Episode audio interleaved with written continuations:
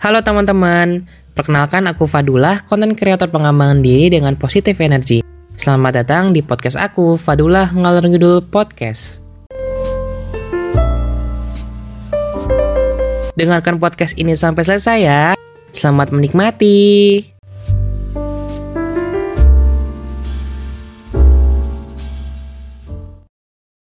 Oke, lanjut. Em, ya, eh, oke Cak, aku mau nanya tentang sistem perkuliahan di teknik lingkungan tuh kayak gimana sih? Dan apa mata pelajaran, eh mata pelajaran, mata kuliah, mata kuliah di eh, teknik itu apa? Eh, TL deh, TL. Sulitannya Hmm. apa gitu? Oke, aku bakal eh tadi BTW berarti apa pertanyaan pertama dulu? Eh, sistem berkuliah di teknik lingkungan. Oke. Oke, guys. Jadi mungkin aku bakal lebih cerita ke waktu kuliah offline karena kuliah online kan sama aja ya. Maksudnya kita depan laptop di Microsoft Teams kalau anak-anak undip BTW sering makainya. Kalau offline itu sebenarnya sistemnya nggak beda jauh sih sama perkuliahan biasa. Cuman tuh kita bener-bener mulai kuliah tuh dari jam 7 pagi gitu. Dan aku nggak tahu apakah jurusan lain juga dia mulainya sampai jam 7 pagi soalnya kayak aku denger ada yang mulai jam 8 atau setengah 8 gitu. Tapi kalau di TL itu bener-bener jam 7 pagi tank itu kamu ada juga jadwalnya gitu. Jadi kalau orang-orang yang ambis dan lain-lain itu ya memang sasarannya jam 7 pagi gitu. Terus kalau misalnya em, cara pengajarannya segala macam itu juga eh, macam-macam tergantung dosennya jadi ada dosen yang dia itu suka dengerin mahasiswa presentasi So finally dia itu sedikit ngejelasin tapi bener-bener ngasih mahasiswa space buat uh, take the opportunity untuk ngejelasin ke teman-temannya untuk presentasi gitu. Dan dan bapaknya cuma nambah-nambahin doang itu ada. Ada juga dosen yang kayak dia model ngajarnya itu uh, ngejelasin bener-bener kayak kayak waktu kita diajarin SMA gitu terus abis itu jebret tugasnya banyak banget terus suruh cobain soal-soal gitu. Ada juga yang kayak gitu. Hmm, kayak gitu sih. Jadi kalau aku bisa bilang kalau misalnya cara mengajar atau dia kayak gimana sih ditentukan dan lain-lain itu uh, nggak beda jauh. Nah cuman kalau misalnya kan kita milih SKS ya gitu. Nah uh, aku nggak tahu aku dengar sih kalau di FKM tuh udah paketan SKS-nya kayak Hmm. ini dan jadwalnya udah ada juga gitu. Kalau kita itu di paketan itu cuma di semester 1 doang. Jadi waktu itu semester 1 kita kan masih ada yang jalur uh, SNM, SBM sama UM. Nah, biasanya tuh anak-anak SNM kan dikenal sama anak-anak ambis gitu kan, kelas A gitu dapetnya. Iya. Heeh, benar. kayak aku nggak tahu di FKM ada Iya. itu juga nggak? Ada, ada, di ada. Ada. Ada, jadi kadang-kadang suka Ada. gap sih. Aku jujur aja nih. Betul. Heeh, bener. Aku juga, aku juga nih. Betul kan aku kelas A kan berarti. Sama hal tuh kelas A tuh dianggap kayak lebih pinter gitu, entah kenapa lebih rajin gitu. Dan kayak apa sih aku aku nggak merasa jadi ya kelas A yang rajin gitu. Tapi ya oke waktu itu balik lagi ke cerita aku semester satu itu kita dipaketin dan kita nggak bisa milih kelas dan milih jam. But then in the next semester dan in the following semester itu kita benar-benar bisa milih pelajaran bahkan kita bisa milih matkul pilihan kita gitu untuk berkreasi. Misalnya aku dari semester 4 misalnya aku semester 4 aku nih bisa milih uh, buat semester 6 kayak gitu. Jadi kalau detail kayak bener-bener jam-jam jam untuk berapa semester ke depan yang penting ganjil genapnya nah itu bisa gitu uh, kita ambil. Nah terus semester 2 ke sananya uh, ya udah deh akhirnya kita milih kelas dan milih pelajaran kita masing-masing Nah, biasanya kan ada istilahnya semester pendek ya atau apa kalau if I'm not mistaken ada istilahnya semester pendek di Iya, mana semester kita itu ngambil mata kuliah. Semester antara kalau nggak salah. Nah, iya Ah. betul. Di mana kita ngambil mata kuliah tambahan biar ya ibaratnya kita uh, benerin biar cepat lulus Iya, iya bener. iya. Aku tadinya mau mention itu yang kedua dulu malah kamu mention duluan. Alasan pertama sih sebenarnya eh, kak mungkin pengen memperbaiki beberapa yang dia misalnya nggak paham di semester lalunya gitu cuman kayak aku kira sih orang-orang ambis nih yang bakal yang bakal ambil semester pendek kayak gitu nah tapi btw di TL itu dia environmentnya itu bukan yang pada ngambil semester pendek gitu karena orang-orang di TL btw nih gengs jadi kalau di TL itu kayak IPK kumlot itu udah kayak langganan gitu ya. Aku aku aku bukan yang gimana gimana tapi uh, banyak banget orang-orang yang kayak oke gue pengen ngejar ini gue pengen ngejar ini. Jadi kayak dia ambis dan lain-lain tet tet tet tet, bisa gitu. Ternyata wih dia diem-diem aja ternyata IPK-nya 4 gitu. Ada yang kayak gitu. Terus kayak wih dia aktif tapi ternyata ya aku sih cuman biasa aja gitu. Jadi kayak there are so many unexpected things happen ketika kalian di kuliah nggak bisa kalian nyamain sama SMA ketika ngeliat anak yang anak lain yang pinter pasti dia juara satu misalnya di SMA ya oke okay, dia peringkat satu. Tapi kalau di kuliah tuh itu belum tentu kayak gitu. Ada orang dia vokal banget dia yang kayak gini banget tapi ternyata biasa aja gitu ada yang diem diem aja ternyata IPK yang empat kayak gitu sih terus apa lagi ya hmm, tadi um, sorry dulu ke pertanyaan keduanya apa aku uh, jadi terlalu fokus ngejelasin teknik tuh apa oke okay. sip Oke, okay, mata ngomongin mata kuliah, guys. Jadi semester 1 itu aku bisa bilang kayak SMA kelas 4. Kenapa aku bilang kayak gitu? Karena uh, there were still beberapa pelajaran yang memang uh, kayak Pancasila, pendidikan kewarganegaraan, bahasa Inggris, bahasa Indonesia itu ada di semester 1. Dan hubungannya sama teknik lingkungan apa? Hubungannya tuh kayak gini, gengs. Jadi segala misalnya bahasa Inggris. Kita tuh memang disuruh pelajari bahasa Inggris, cuman materinya itu bukan bukan kayak bahasa Inggris kayak di SMA atau kayak gimana, tapi kita ngebedah jurnal ngebedah jurnal teknik lingkungan but in English. Jadi sebenarnya orientasinya tuh ke teknik lingkungan gitu, tapi emang pakai bahasa Inggris. Pun kalau misalnya ada nih pelajaran yang bener-bener dia itu pengantar ilmu rekayasa lingkungan atau kita biasanya tuh singkatnya PIRL kalau di Undip TL kayak gitu ya. Jadi semester satu itu cuma ada satu matkul yang dia benar-benar uh, fokus ke teknik lingkungan yaitu uh, PIRL itu. Dan di PIRL pun kamu nggak yang diajarin langsung spesifik, but just like a big picture of TL tuh kayak gimana, arahnya bakal kayak gimana. Ada yang fokus sama udara, habis itu ada yang fokus sama air, ada yang fokus juga sama air limbah, pokoknya macam-macam lah sumber daya airnya gitu kan polusi dan segala macam persampahan ada juga. Jadi kalau pengantar ilmu rekayasa lingkungan kan dia ada di semester 1 dan dia uh, belum ketail banget tapi emang udah nyerempet gitu. Ibaratnya uh, orang lihat uh, orang pengen nonton film udah dikasih spoilernya lah bakal kayak gimana nih gitu. Film yang kamu tonton ke depan gitu. Terus semester 2 kaget kaget banget. Soalnya udah bener-bener teknik banget. Parah. Semester 2 itu udah mulai nongol. Yang namanya tugas besar gengs BTW dan di tugas besar itu kita udah disuruh menggambar teknik. Di mana kita itu bener-bener kamu tau gak sih kayak anak-anak teknik pada umum ya punya punya tas yang buat isinya gambar-gambar. Beli penggaris gede-gede banget penggarisnya.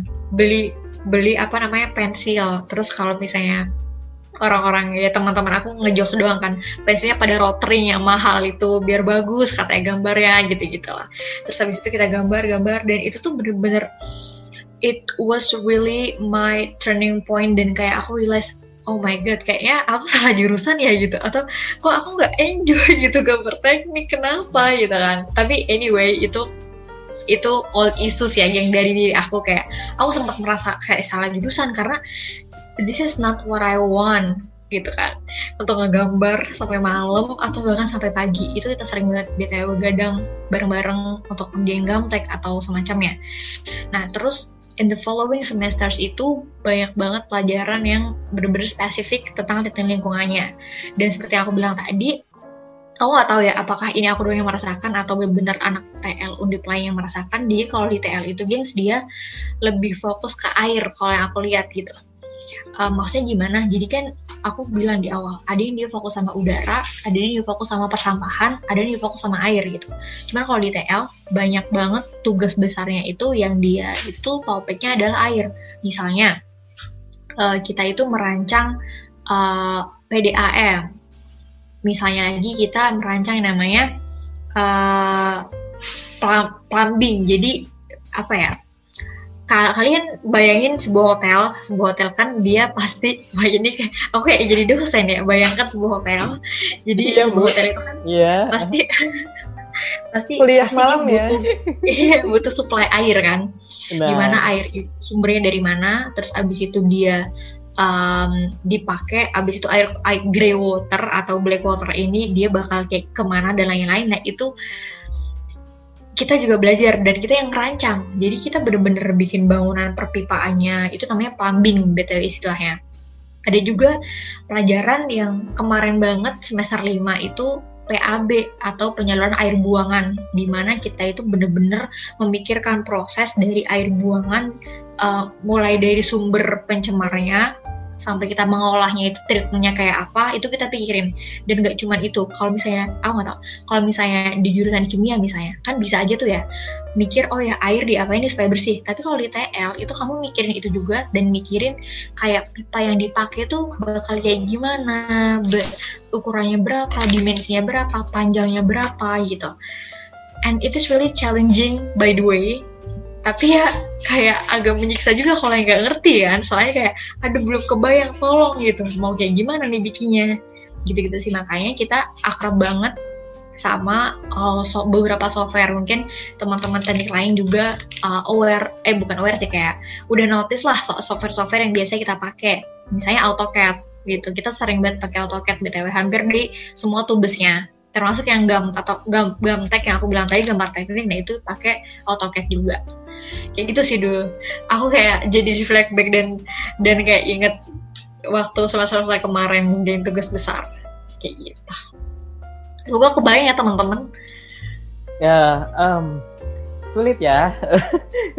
Uh, sebenarnya tadi tuh uh, ada beberapa istilah saya mungkin kita tahu ya karena kita juga di belajar itu di kampus. Cuman ternyata lebih kompleks di uh, TL. Benar, benar, benar.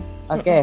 uh, uh, simple uh, simple deh cak uh, apa sih namanya singkat aja perbeda apakah ada perbedaan antara TL di Undip sama TL di Univ lain?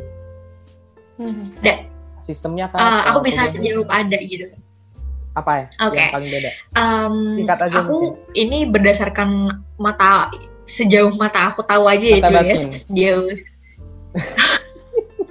Oh cak ini Fadula. Jadi pokoknya dari kacamata aku aja kalau lihat. ya boleh boleh. Kalau Oke. Okay.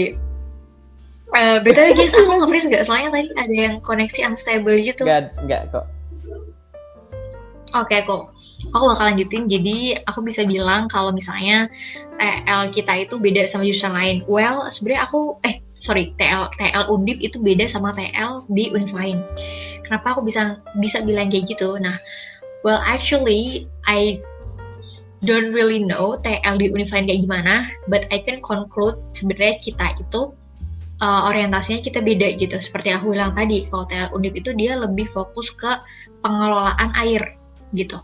Jadi kan aku uh, tadi seperti aku bilang ada ngurusin udara, pencemaran udara itu kita juga ngurusin pencemaran udara, persampahan. Kita tuh bikin dan kita ngerancang TPA tuh kayak gimana bagusnya pengolahan kayak gimana gitu. Kayak teknologi bersih juga kita pelajarin gitu. Nah kalau di teknik lingkungan ITB itu aku dengar dari temanku dia itu lebih ke infrastruktur lingkungan. Jadi kayak bangunan untuk Newport atau um, apa ya ibaratnya? Pokoknya dia tuh infrastruktur lingkungan itu kayak dia bangunan yang mengelola kayak jadi misal ada air limbah nih. Nah, ini bangunan itu gitu yang bakal ngelola air limbah. Nah, cuman kalau kita itu lebih ke uh, air dan fokusnya itu bener-bener kayak kita pikirin semua hal atau semua treatment yang bisa kita jadiin solusi untuk uh, minimasi limbah air tuh kayak gimana gitu.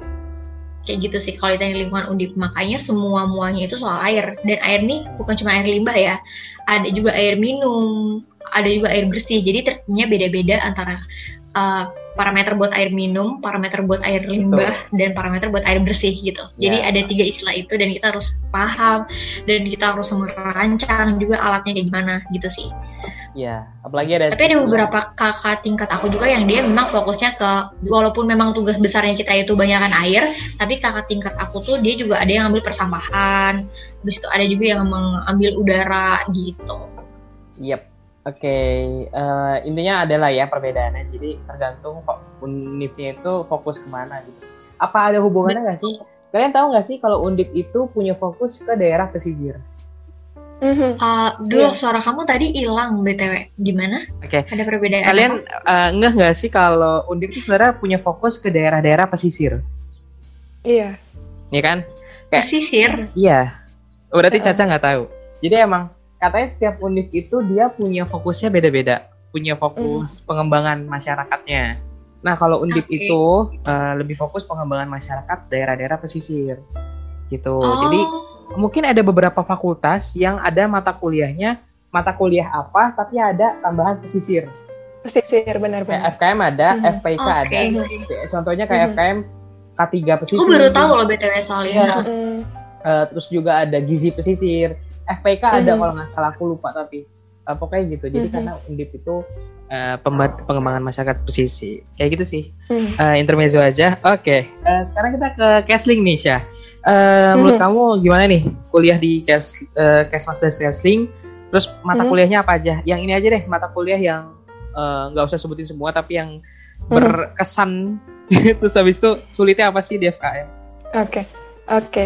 Thank you, Dul. Jadi kalau bisa aku bilang, eh, di FKM Undip itu sendiri kan peminatan ya. Jadi kita tuh dari semester 1 sampai semester 4-nya tuh kita literally belajar semuanya gitu.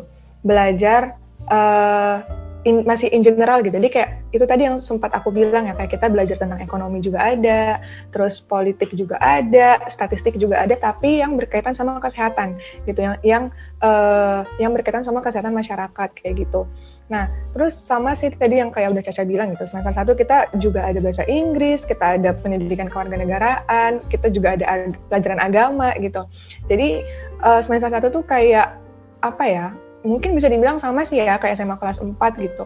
Nah, tapi eh, dari semester 2 sampai semester 4-nya itu itu tuh kita udah mulai nih eh, apa ya diperkenalkan gitu sama matkul-matkul yang berkaitan sama kesmas gitu. Nah, mungkin kalau menurut aku ya, eh, mata kuliah yang menurut aku berkesan itu ada statistik sih ya, biostatistika gitu. Karena aku memang anaknya nggak terlalu suka hitung-hitungan gitu. Kayak, aduh, kayak ber- eh, saya bisa mungkin menghindar lah gitu. Nah di situ tuh kita dikenalin sama suatu suatu apa ya, suatu tools, suatu aplikasi baru namanya SPSS gitu. Nah itu sempat agak challenging juga sih sebenarnya kayak gimana nih gitu kan kayak kita harus menyelesaikan suatu soal terus kita harus bisa pakai SPSS itu gitu Eh, sebenarnya mata kuliah itu berkesan buat aku karena eh, waktu itu aku sempat eh, belajar bareng juga sama teman-teman aku semalaman karena besok mau uas stat- statistik kayak kita belajar benar-benar eh, gimana sih caranya ngoperasiin SPSS terus gimana caranya supaya bisa dapat hasilnya kayak gitu. Dan itu tuh eh, akhirnya ya paid off juga gitu maksudnya. Akhirnya yang kita uh, kerjain di UAS itu tuh ternyata udah keluar semua gitu ya yang udah kita pelajarin gitu. Nah terus mungkin ada satu mata kuliah juga yang berkesan buat aku tuh uh, AKK sebenarnya administrasi kebijakan dan kesehatan ya kalau nggak salah gitu. Nah sebenarnya ada salah satu dosen yang membuat aku tuh aku suka sama kakak gitu namanya Bu Ayun. Karena uh, Bu Ayun ini tuh kalau ngejelasin tuh mm, bisa disangkut pautin sama real case-nya gitu. Dikonekin sama masalah yang ada terjadi di lapangan. Dan itu membuat aku uh, jadi oh ternyata gini ya gitu menghubungkan dengan uh, real case dengan teori. Jadi kayak makin nangkep aja sih gitu. Um, terus kalau misalkan masih di semester 1 sama semester 4 itu kita juga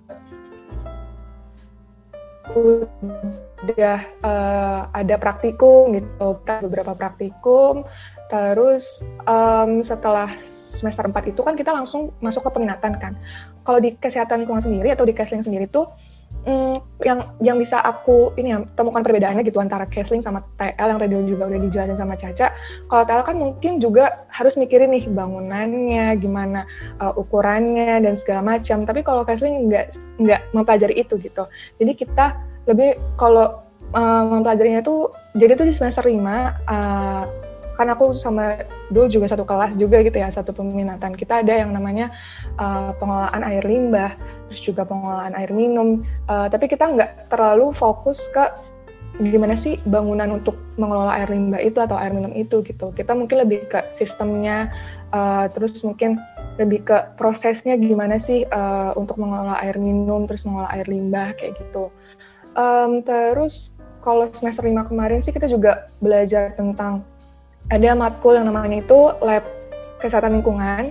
Jadi itu emang lebih apa ya banyak praktikumnya sih sebenarnya kalau misalkan kita bisa offline kuliahnya tuh kita pasti bakal sering banyak banget praktikum gitu. Memang anak Kesling tuh juga terkenal dengan harus kuat tangannya gitu, jempolnya terlunjuk itu harus kuat gitu. Karena nulis mulu, nulis mulu terus kayak praktikum terus, laporannya juga banyak, laprak-lapraknya gitu. Jadi karena online, jadi kita nggak terlalu merasakan itu sih sebenarnya ya Dul ya, karena kita nggak bisa datang ke lab gitu. Jadi uh, kita nggak bisa ngerasain banget gitu uh, apa namanya ngumpulin laprak yang harus dikumpulin tiga hari atau mungkin cuma lima hari kayak gitu. Itu sih. Iya benar. Terus kayak pokoknya harus sedia banyak pensil karena tulis tangan semua kan nggak boleh ada yang diketik gitu lapraknya. Itu sih paling. Um, terus apa lagi dulu tadi? Atau udah kayaknya. ada udah. Oke. Okay. aku nambahin sih ya. Jadi untuk FKM tuh kuliahnya tuh paketan. Kayak Caca mungkin SKS ya, Caca. Jadi uh, nanti ada kan namanya IRS War ya. Kalian tuh ini ya, kayak perang ngisi IRS nggak sih kalau hmm, saya War ya. Bener ya, Cak? Cak?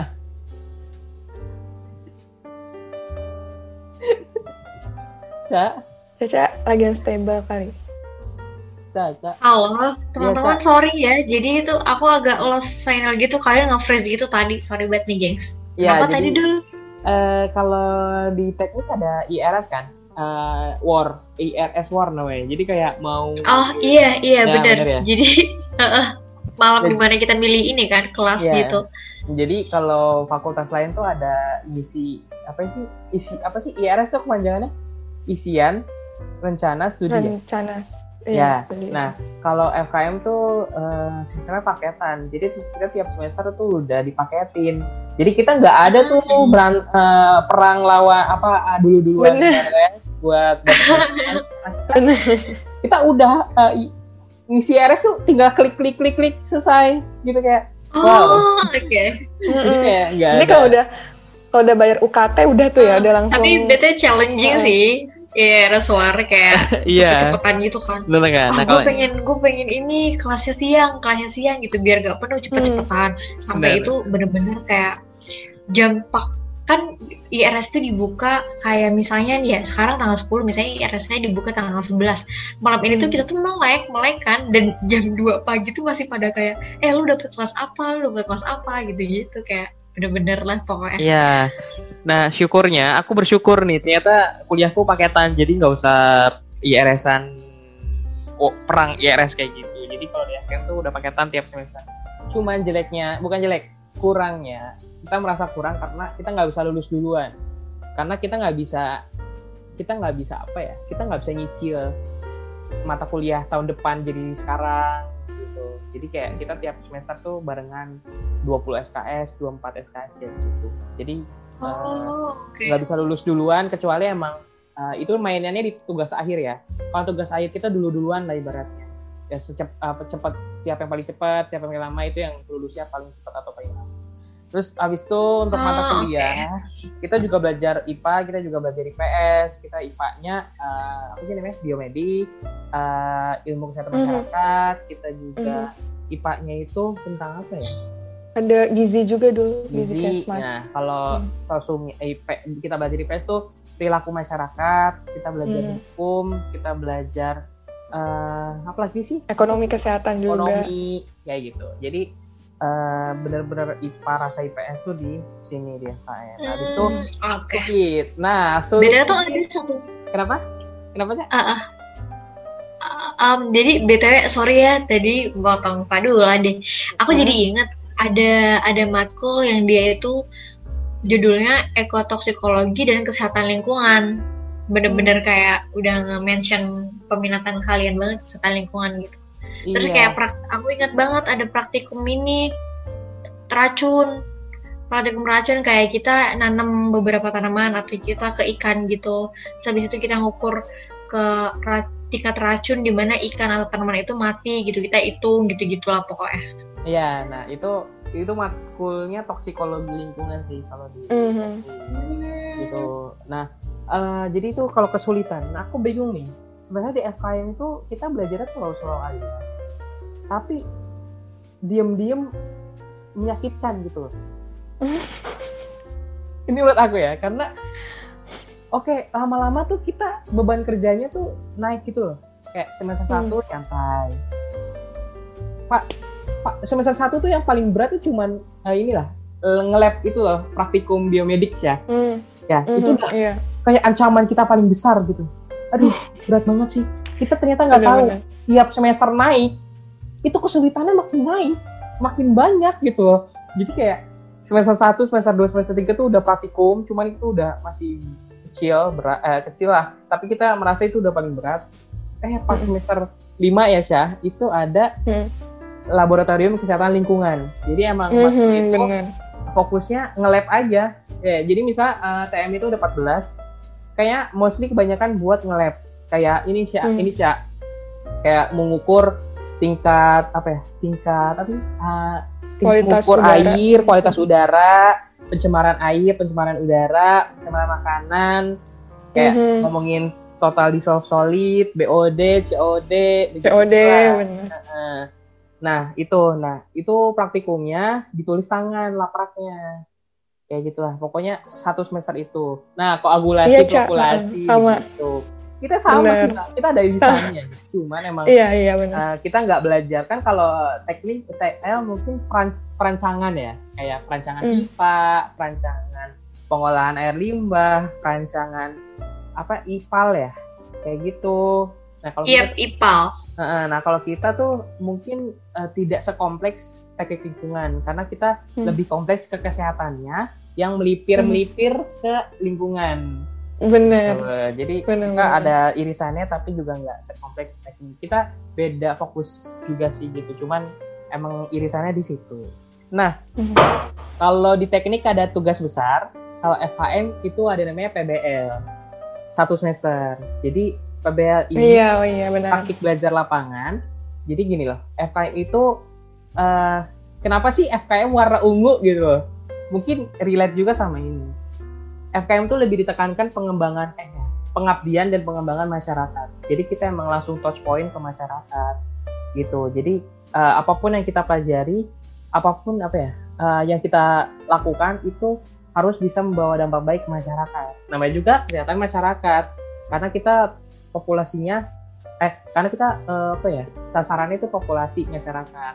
Kalau FK kan individu ya. Orang sakit ke dokter, individu kan. Kalau kita ke masyarakat populasi kayak gitu. Jadi emang PBL tuh namanya praktik belajar lapangan itu satu semester full kita ngerjain sebuah kasus. I, menurutku itu kayak penelitian kayak penelitian sih kayak kita nyari sampel, kita telaah ada penyakit apa, kenapa kita bikin fishbone-nya, kita bikin uh, uh, apa ya analisisnya, kenapa ini terjadi dan cara penanganannya. Nah, itu PBL. Dan PBL nggak sekali doang ya, PBL dua kali semester 4 mm, sama semester 7. Jadi mm oke. Okay. Jadi itu yang harus kita hadapi. Itu sih dari aku. Uh, oh iya, satu lagi. Kalau ditanya ada perbedaan Kesmas Undip sama Kesmas yang lain, ada banget. Aku pernah menyadari, aku pernah berpikir bahwa semua jurusan Kesmas tuh belajarnya sama. Uh, kurikulumnya sama. Eh kurikulumnya sama, cuman uh, kayak apa ya, fokusnya sama. Ternyata beda. Kayak gini, mungkin kalau di Undip udah fakultas ya FKM tapi ada fakultas lain yang masih prodi dia FK cuman prodinya Kesmas ada lagi di uh, Stikes Sekolah Tinggi Ilmu Kesehatan gitu sebenarnya kalau kurikulum mungkin sama tapi nama-nama mata kuliahnya yang ternyata beda-beda mungkin intinya belajarnya sama tapi kayak cara cara penyampaiannya melalui mata kuliahnya tuh beda-beda kayak gitu. But ya nama juga kita sama-sama sarjana kesehatan masyarakat pasti aku yakin semuanya disiplin ilmunya sama sih. Walaupun emang mata kuliahnya namanya beda-beda, tapi intinya kita belajar sama. Kayak gitu.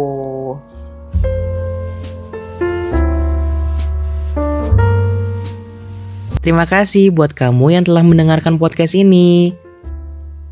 Tetap terhubung dan nikmati karya Fadula selanjutnya melalui Instagram dan TikTok di @mfadula dan juga di YouTube channelnya di Halodul, serta di podcastnya di Spotify dan Apple Podcast di Fadullah Ngalor Ngidul. Sampai bertemu di podcast selanjutnya, tetap semangat dan jaga kesehatan. Bye-bye.